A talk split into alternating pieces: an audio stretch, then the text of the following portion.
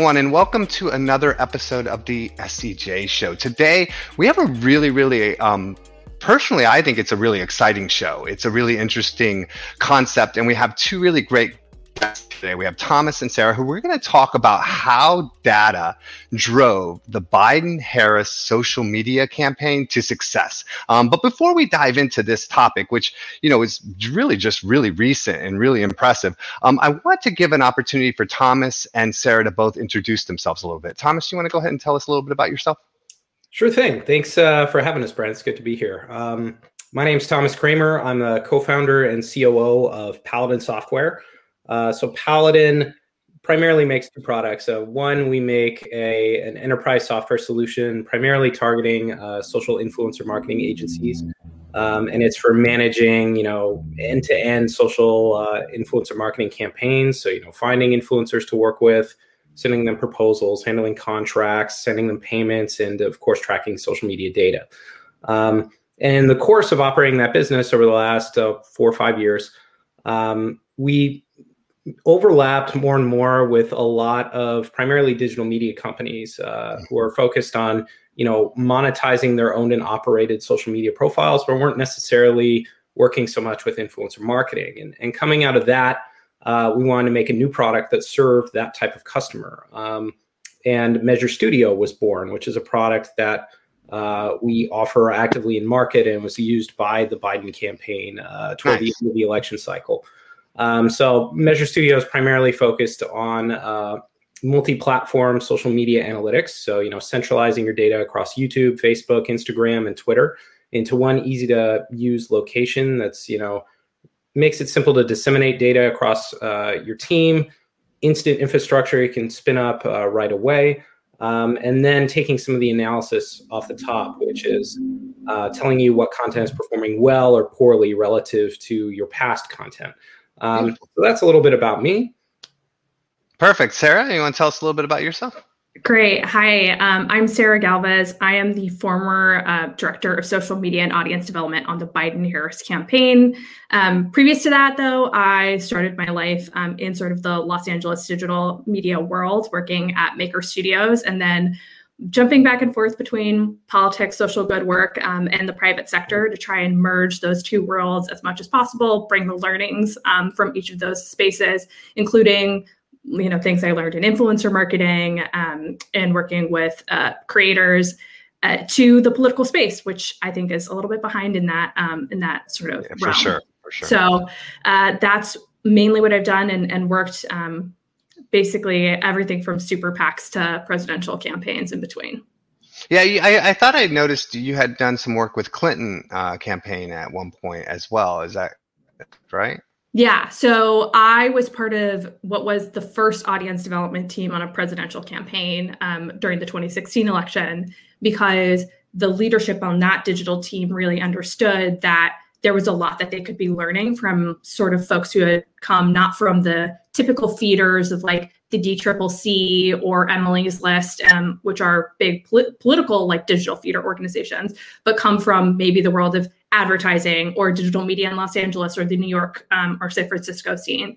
And so uh, we basically created a team that was very much focused on not necessarily the day to day of managing these uh, social platforms but in being a supplementary like group to those to those mm. folks to help them you know build out and track analytics in better ways to think about how they're working with partners um, and strategically and that was a really just fun sort of experiment that now four years later being on another campaign cycle uh, it's like the fruits of our labor. We saw like we were the guinea pigs here, and now yeah. um, it's it's really been built out into something uh, really. Well, that's it's really beautiful because uh, honestly, like right now, this has to be one of the you know most historic elections, at least in my lifetime. Like I can't, and and if you listen to what everybody else says, it really has been one of the most polarizing um, elections that we've ever had, um, you know, in this country. And so I think that it, it definitely um, has to be intimidating. It has to be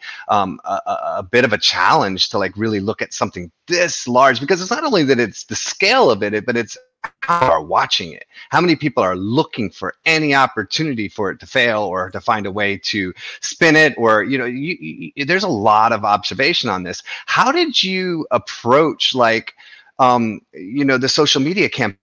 I can ask it better by saying what exactly was the biden harris social media campaign about?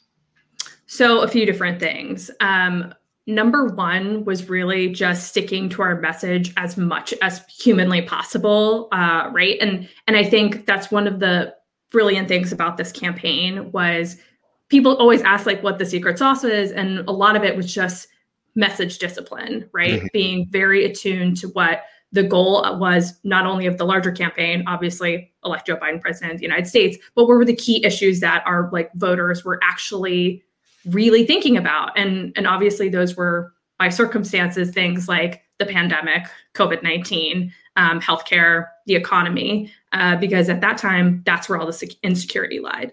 And so, as a result, message discipline was like number one, the thing that we were always thinking about.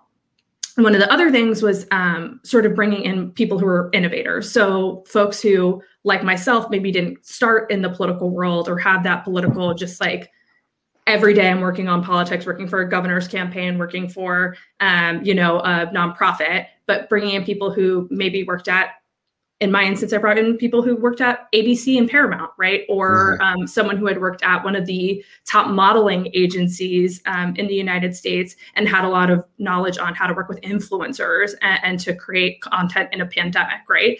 Um, and so it was about mixing really good message with really good and smart people um, and allowing them the space to go about it and, and use the tools that we had in our arsenal to really create this sort of drumbeat on social media every day that people knew exactly what they were getting and who they were seeing it from when they looked at a Joe Biden piece of content. And, and do you feel like the the message discipline? How, how do you go about that? I mean, that's got to be really rough because you're dealing with a large group of supporters, right? I mean, that are, and it's different when somebody's just like a celebrity. This is a scenario where people feel like they want something to happen yeah. Right. They yeah. were invested in making a change. And so, how do you deal? How, first off, how important do you think discipline is overall? You know, um, you know, not only just in this scenario, is it more more important in certain or less important in certain scenarios? And how do you control that discipline when you have a large, you know, fan base? Yeah. I mean, it's the same across any sort of campaign that you'll do, right? Keep in mind your K KPIs. Uh, there is nothing more that you can sort of do to be your North Star than think about what's the goal of the campaign, what is the message that we're trying to get across.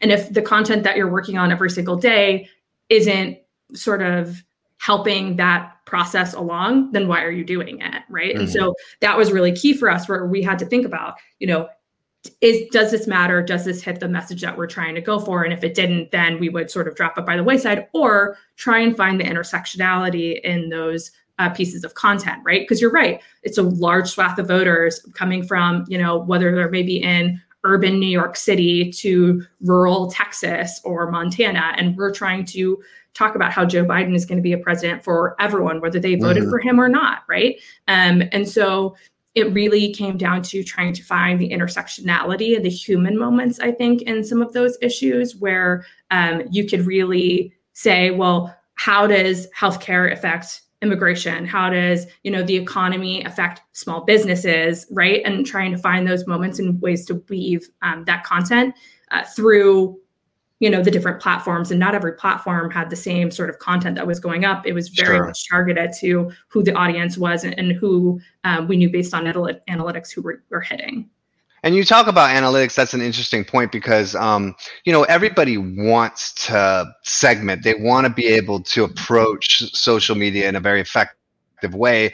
But I think it's very um, difficult for people still today to understand. I think it's difficult for people to understand that you know each platform is fundamentally different, and the audiences are using them for different reasons, and so you have to respect the fact that they might inter- interact in a different way and expect a different messaging from you but how much of that decision because you, you talk about you know a couple different key points like message discipline and channels and the issues at hand right? You have four or five core issues that you mentioned. So how did you you know look at how did you know maybe this is something you can speak to a little bit thomas but how did you guys look at the data and how did you use that data to determine what messages you were going to to start?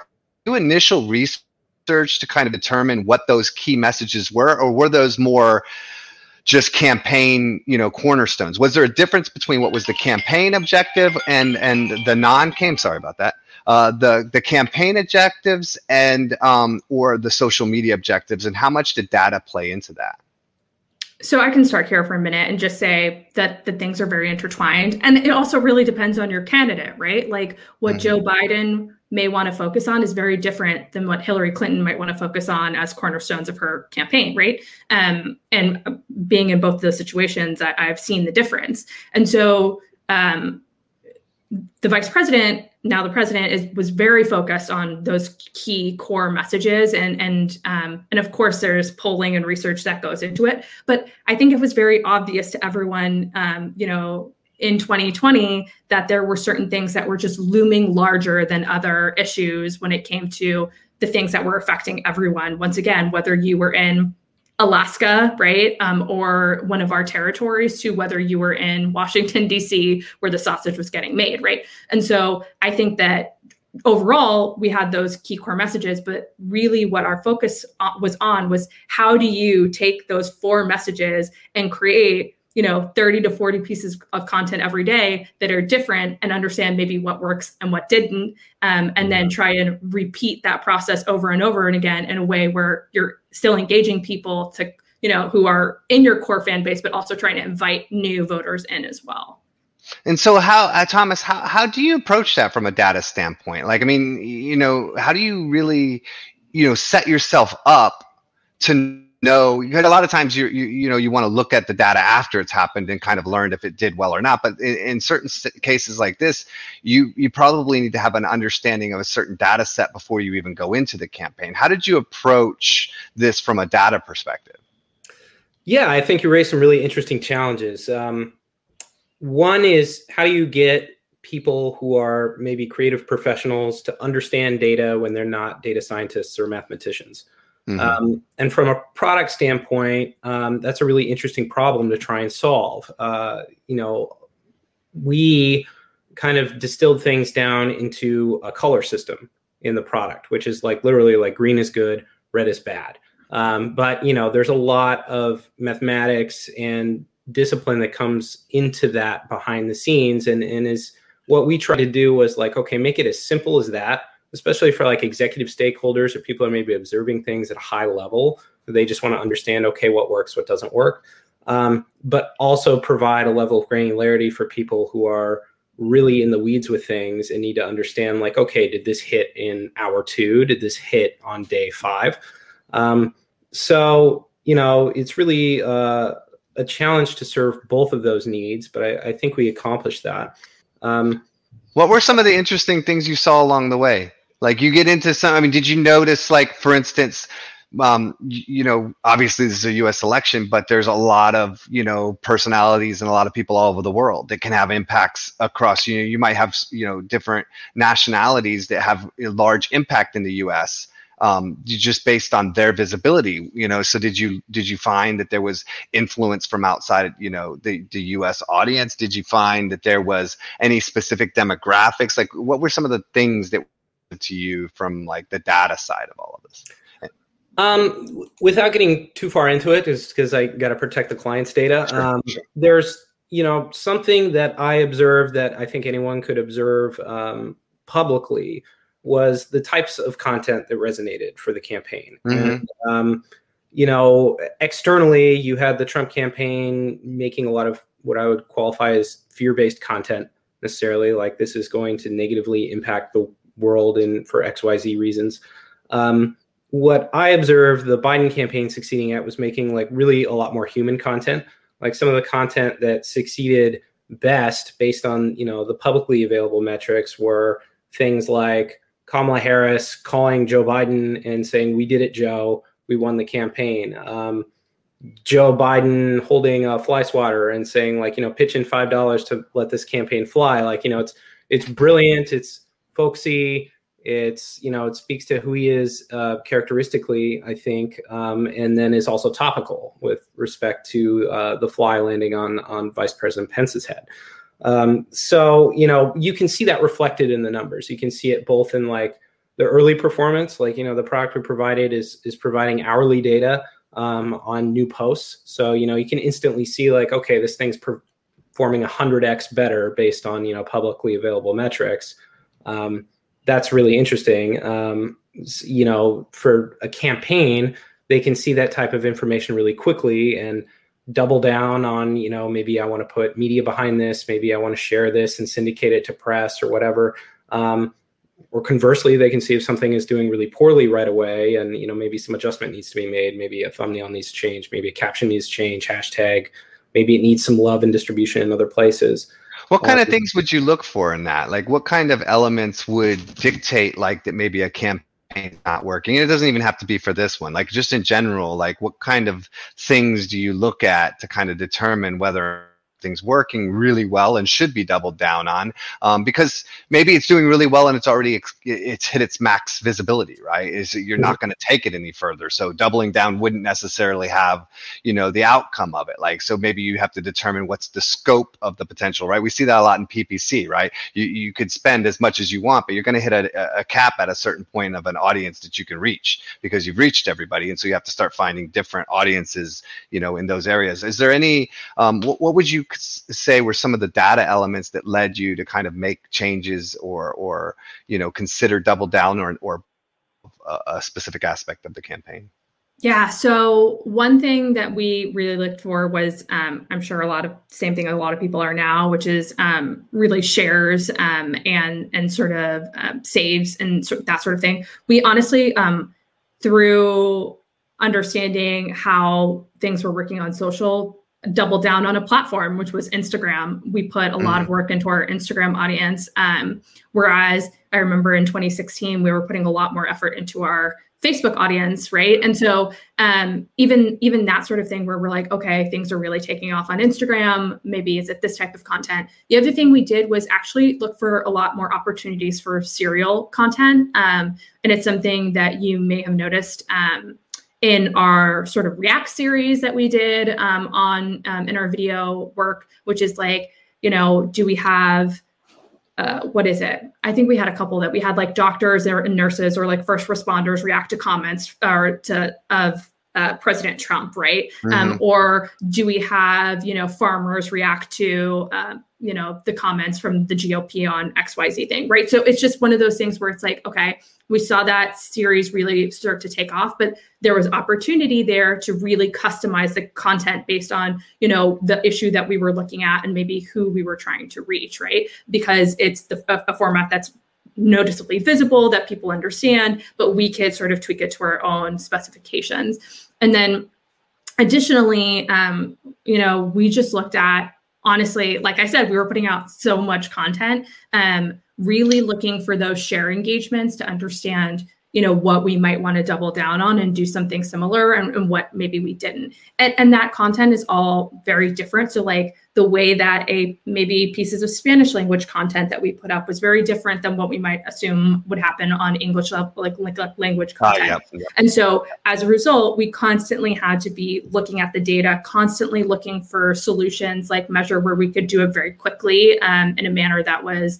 uh, really easily digestible for our teams to get that sort of information and go. Because my team came in uh, you know i came into the campaign with six months left right in a mm-hmm. general election. There is no time to waste um, and unfortunately we don't have the opportunity as many other um, maybe private sector clients do to really take you know pause take some time to understand and do deep dives on the analytics. It's like no our deep diving on analytics is like what can you do in the next hour? And then mm-hmm. we've got to move that's interesting because especially with a campaign that eh, you know, a lot of campaigns there's not adversity, you know, not necessarily, right? Not intentional, you know, not known from the start, right? Things can come up in the conversations. People can have some, you know, oh, I like the way that was said, or you shouldn't have used, you know, certain visuals in, in, in certain advertisements. But, you know, in this type of campaign, you have to know going in, there is a our audience of people who are completely against, you know, your success.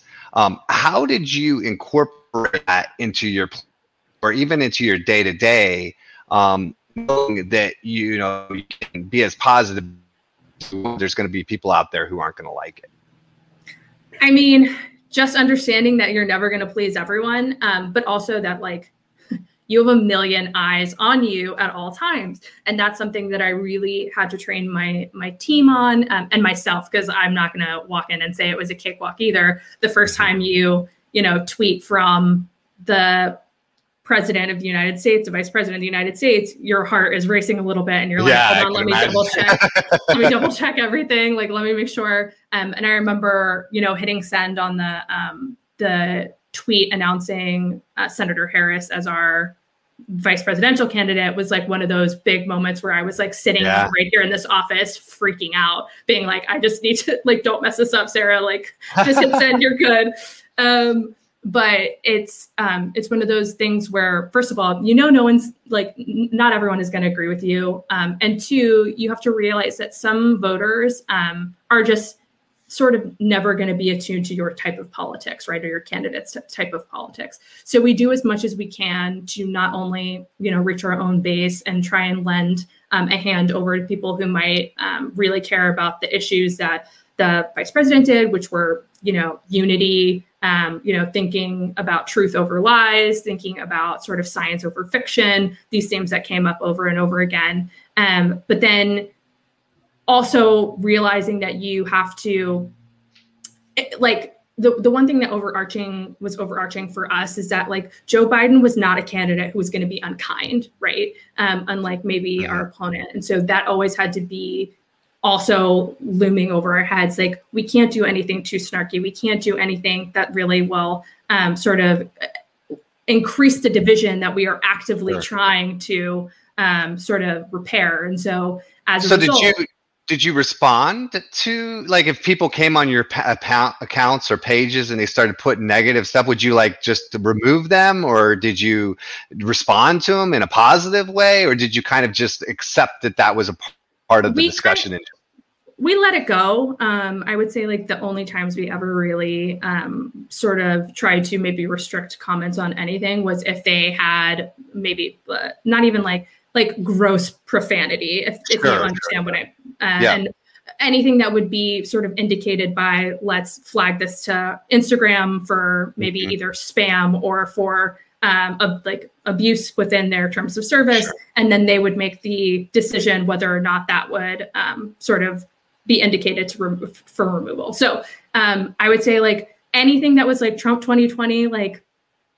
like flagged in our comments like we didn't do anything with that because you have as much of a right to go onto our platform and say that as you know maybe our supporters would to, to go onto trump. We would hope that they wouldn't because um, that's actively going against what our candidate really stands for. Um, but yeah you just know you're never going to please them all. Um, go ahead sorry. No no no that's oh i was going to ask like how do you because you had a lot of like uh, uh, detail for me real quick uh, it wasn't just your team right? You have you have influencers that you know not even like inf- reach out to but you have people that are like supporters. How did you know i noticed on the website and, and throughout there was like media that was like look if you want to share about the campaign some images you can share. Here's some of the hashtags we're trying to focus around. Here's some of the the the, the initiatives that we're trying to push. Right? Um, how important was the activity? Uh, you know, empowering your supporters, and how difficult was it to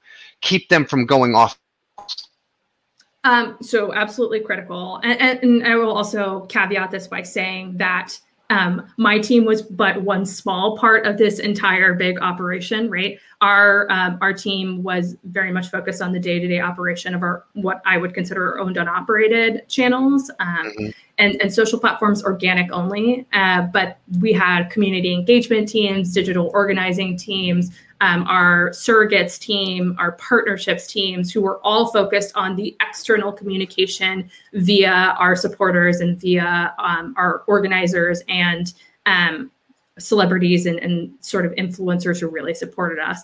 And so for us, it was critical, first of all, not only to give them the information that they needed, but to get them involved in the process of creating that content as well, right? So we had sort of a community like design team who would go through and create um, designs based on you know maybe talking points that we would give them via slack or other messaging systems. Um, and then our digital organizers would go work um, you know online with people. And and i will say we haven't really discussed it much either but like we were obviously campaigning in a pandemic and so people were much more likely to be in front of their phones than they were to be maybe going out and knocking on doors or you know um, in the same way that you might consider in other campaign cycles and so for us it was really important to work with influencers, to work with our supporters, to work with folks to get the uh, sort of content that we wanted out into the ecosystem and really use them as a megaphone for um, this these messages that we were really really focused on. Well, you have to have a, a somewhat of a. I mean, you have a lot of potential people on your team. You have a you know obviously some tools uh, that you're working with to kind of gather data. Um, but you know, influencers it can be really tough, uh, especially right now. There's there's not defined understanding of real influence, right? People are like, oh, X amount of followers. Somebody, you know, talks about a certain thing, therefore they're an influencer, even though they may not have very much actual reach and their influence very, very specific, and nobody's going to listen to them when they talk about something else. Um, did you guys? How did you approach? Or marketing? Was it, you know, was it just people that you knew would select? Was it people who volunteered and then you were engaging with volunteers? Or did you actually reach out to certain influencers and try to encourage them in some way to represent your campaign? So this might sound annoying, um, but I really like come from the thought thought process or belief system that sort of everyone is an influencer, right, in their own right, whether it's in their own micro sort of spaces. And so whether that's you um, posting and you have a, maybe like 100 or 50 people who follow you on Instagram who are just your friends and family, and you talk about voting, um, and in some way. Uh, you know, put in people's minds like, oh, maybe I should go vote, or maybe I should go vote for Joe Biden. That is influence, and so I really do come from that sort of belief system that everyone has the um, opportunity to make an impact in elections and civics work. Um, and so I think, like, number one, um, we were always trying to encourage people to share with their friends and families and to share with their audiences. Um, and then when it came to more macro relationships, like, it was a sort of dual system. It was not only us sort of reaching out to people and saying, like, hey, you know, is this something you might want to talk about and whether that's in maybe a content series or you know a piece of content or just on your on your pages organically um, but then there were also just people who came to us. There are people who are proud Democrats, proud progressives, people who cared about the things um, that we were talking about and the messages that we were trying to hit, people who really cared about the idea of um, unifying the country. And so as a result, um, you know, we had both inbound and outbound uh, communication that was handled brilliantly by um, Christian Toms um, on the digital partnership side, um, who came from Group 9 Media and really understood the world of that um, space, mm-hmm. as well as our surrogates team um, and Adrienne Elrod and other folks who have had long-standing relationships with a lot of sort of your more high-level tier um, celebrity spaces, your CAAs, your WMEs of the world, and, and really have handled those relationships quite well. Beautiful. So you guys didn't you didn't actually go out and like seek out celebrities celebrities, you kind of just encouraged all of your followers to be influencers in some way, shape, or form?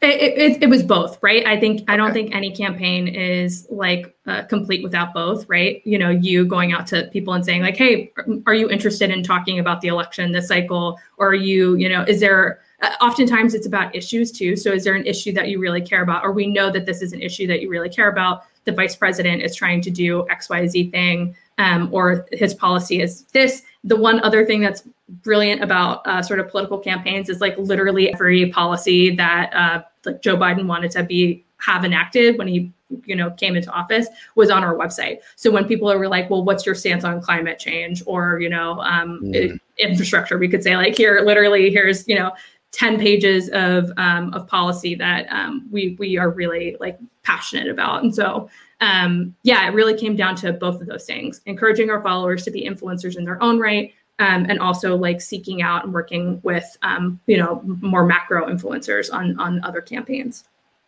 And from a data standpoint, uh, Thomas, I mean, you know, diving back some of the numbers, like, uh, you know, you're looking at these multiple different initiatives. Did you guys track based on initiative? Like, was, you know, did you have tracking that was like, we're going to focus on immigration, we're going to focus on pandemic, we're going to focus, and then really kind of like tracking those? How did you track? the progress and, and the kind of success or failure within verticals of the, the, the campaign as a whole?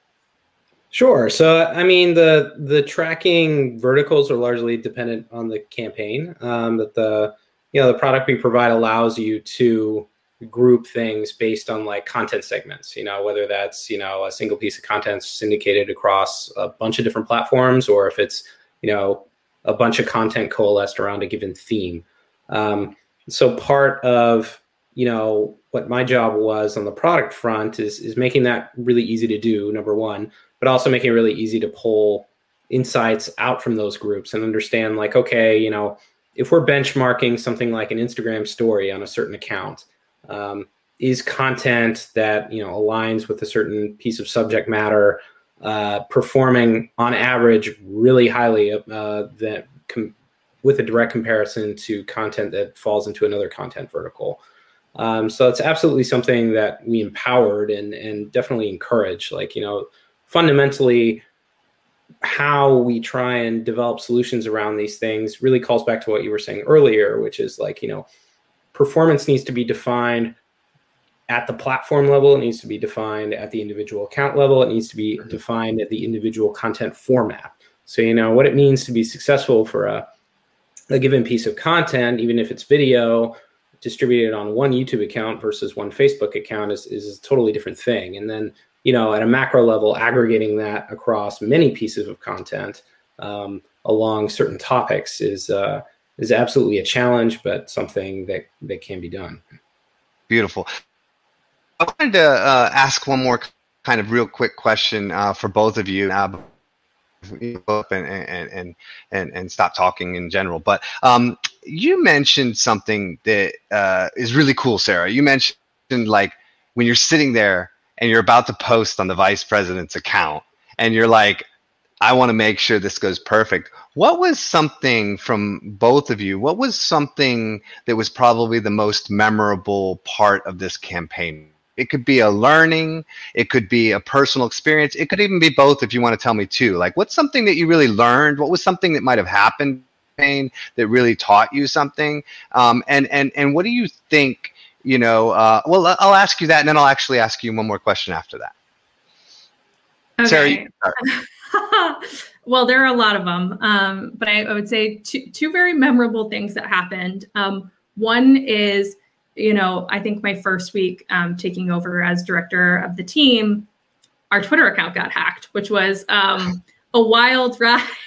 so uh, we were involved in the hack that also got like Elon Musk and Bill Gates mm-hmm. and all of those high level um, folks, Barack Obama. Um, yeah, it was very much a trial by fire. Like, hello, Sarah, welcome. It's day two. You've been hacked. There you now. go.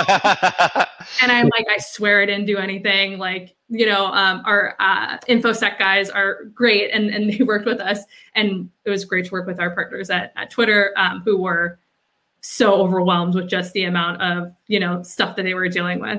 Um, and then, of course, I would say probably included a lot more people than they announced. I mean, if it was a vulnerability, it probably was a lot of accounts. Yeah, I mean, we're not sure, but I think one of the things that's like very clear, especially in the election season, is like you are handling the accounts of some of the biggest influencers in the world, right? These are yeah. people who are going to potentially be the next president of the United States, leader of the free world. And so, as a just first of all, that is wild. Getting hacked is also ridiculous uh, and wild.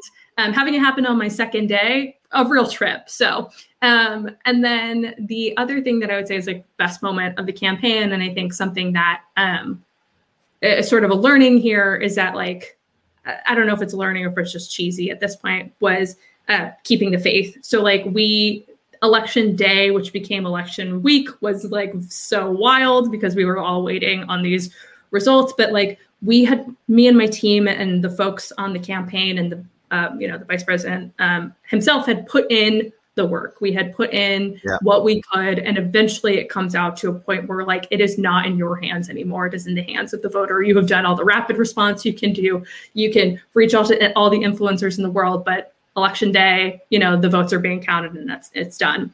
And one thing was that like my team really had to be strong in their conviction of like keeping the faith and and making sure that um, we not only were calm ourselves, but also calming our supporters down to sure. say, like, you know, whether, you know, no matter the outcome of this um, election, although we feel we have won, you know, our message still stands. We should really just be a more unified country. We should really just care about our neighbors, that sort of thing. And then, of course, like pressing go on the victory video that Saturday morning. Um, I'm on the West Coast. I uh, I am a rare like remote worker from the West Coast. And so it was like seven in the morning here, and I like jumped out of bed because someone told me that we had won, and I was like, "All right, time to queue up the video. Like everyone has it. Like let's go." That's um, awesome. And that was just like a wonderful moment on Zoom with my team. So that was yeah. yeah, some of the best moments of this campaign, best and the worst, I would say. The hacking was not very good. It's an experience, though. I mean, those those experiences are once in a lifetime. You know, you, it's a beautiful thing, and the campaign won. So, congrats. Thank you. Thomas, what about you? What was something, you know, what, what was some of the things that really stood out for you? Yeah, for me as a vendor who has primarily served people in the media space, which is, you know, a wildly different industry than politics by and large. Mm-hmm. Uh, it was it was a huge learning experience. Um, I think there was a lot of pressure that I put on myself. Like number one, because you know I I align with the mission. I was a Joe Biden voter. Um, but you know, secondly, it's like okay, wow, like suddenly you know the organization with the most eyeballs on it, probably in the world, is sure. making content decisions based on data that I'm giving them, and I cannot screw that up. Like the, the data fundamentals have to be very good, or you know the outcome for you know not just what I desire and believe personally, but you know for the very world is is sort of at stake. So you know, I oh yeah, like that's a, that's true cog That's in that true. machine, but you know, uh, possibly an impactful one, certainly. Um, and I think I really quickly also learned, you know, what it's like to be a political vendor, and not a media vendor. Like, you know, things like getting interviewed by the the campaign infosec team, understanding that you know the data that you handle could make your organization, you know, a target by foreign actors or something like that. That's um, interesting. beefing up uh, security protocols um, based around those conversations and making sure like okay like you know, the people are using this thing are are the people who should be using this thing.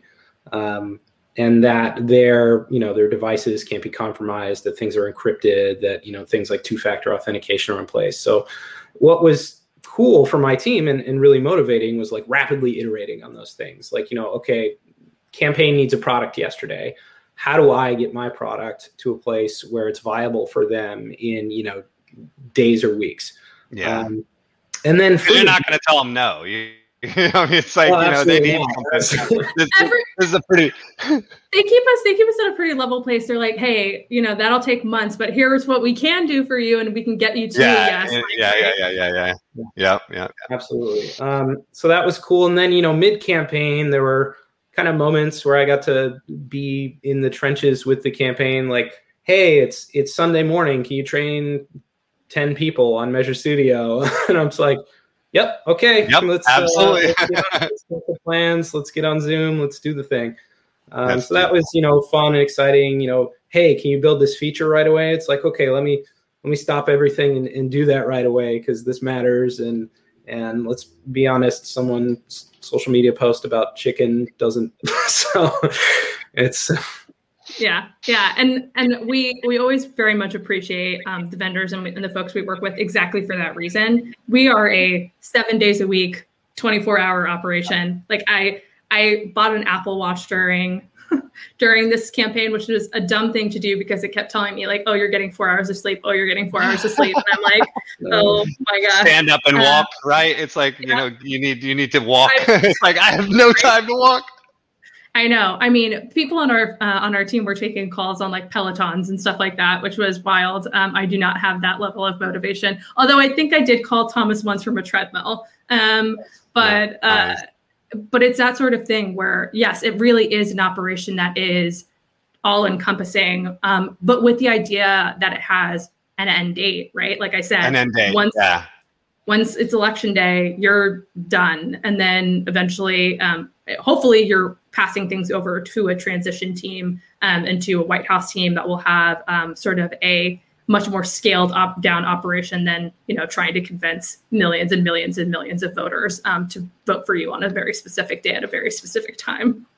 I think a lot of people would, uh, you know, um, would say that they, they would uh, really want to be involved in a campaign that they're passionate about. And I don't think that a lot of marketers get the opportunity to. Um, and so I think that's really cool to be able to to participate in something that has impact in the world.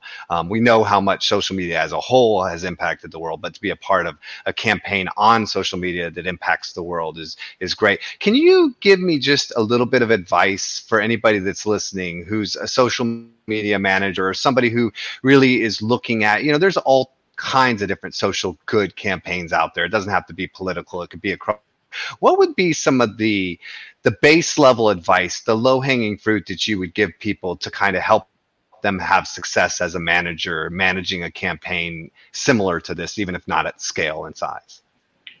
Yeah. So I have um I have two things. Actually, one is bigger than that, and then I'll, I'll scale down to your question, which is one: if you feel a desire, like within your work, to jump out of what you're doing. For me, like it was, I was working at a Latino media company, and I wasn't working on political work anymore, and I was like, I cannot do this um, when they um, ended up doing layoffs uh, because the pivot to video didn't really work out. I was like, thank you very much. I'm going to go consult for Planned Parenthood and Bloomberg Philanthropies and, and do this. Um, if you feel like what you want to do is social impact and social good, there are hundreds of organizations that are looking for smart marketers um, and people who, like I said, think outside of the box of what political or nonprofit or uh, what we call like 50c3 um, organizations are currently sort of the way that they're already doing digital. They're looking for you. So please like you know knock down like don't wait for someone to open the door for you. Like literally kick it down and find an org that you want to work for or, or make contacts in that world um, to start doing that work. Um, and then for folks who are doing social impact campaigns now, whether that's for private sector clients or just maybe on the side um, as sort of your volunteer work, um, I would say uh, never work on something that you don't believe in. Um, I think that your work really suffers if that's the mm-hmm. case. Mm-hmm. and additionally, like oftentimes when it comes to social marketing, you are the smartest person in the room. So don't back down um, and really experiment because a lot of uh, a lot of these folks, like I said, are sort of like a couple years behind on what yep. people um, in the private sector are doing. So if it's you know a woman on our team who came to us and said, "I want to you know do something for Joe Biden on Twitch," like find the way to get to you know how does that work authentically um, right for your candidate or for your organization? And don't be afraid to sort of experiment um, and to uh, use your own chops um, in the best way you can for whatever sort of program you're working on very well said and i want to thank you both uh, you know, for today. I think you know this is a really um, this is a really exciting uh, campaign. It, it was well done. Um, it was very impactful. I think it was you know very honorable, and I think that you know you both get to walk away with that experience and that kind of you know pat on your back for the rest of your lives so you know thank you for the effort you put into it thank you for the work that you did um, and thank you for joining me to kind of talk a bit for sharing some of the details i appreciate you taking this Wonderful. Thank you, Thanks, Brent. Appreciate having us. Cheers.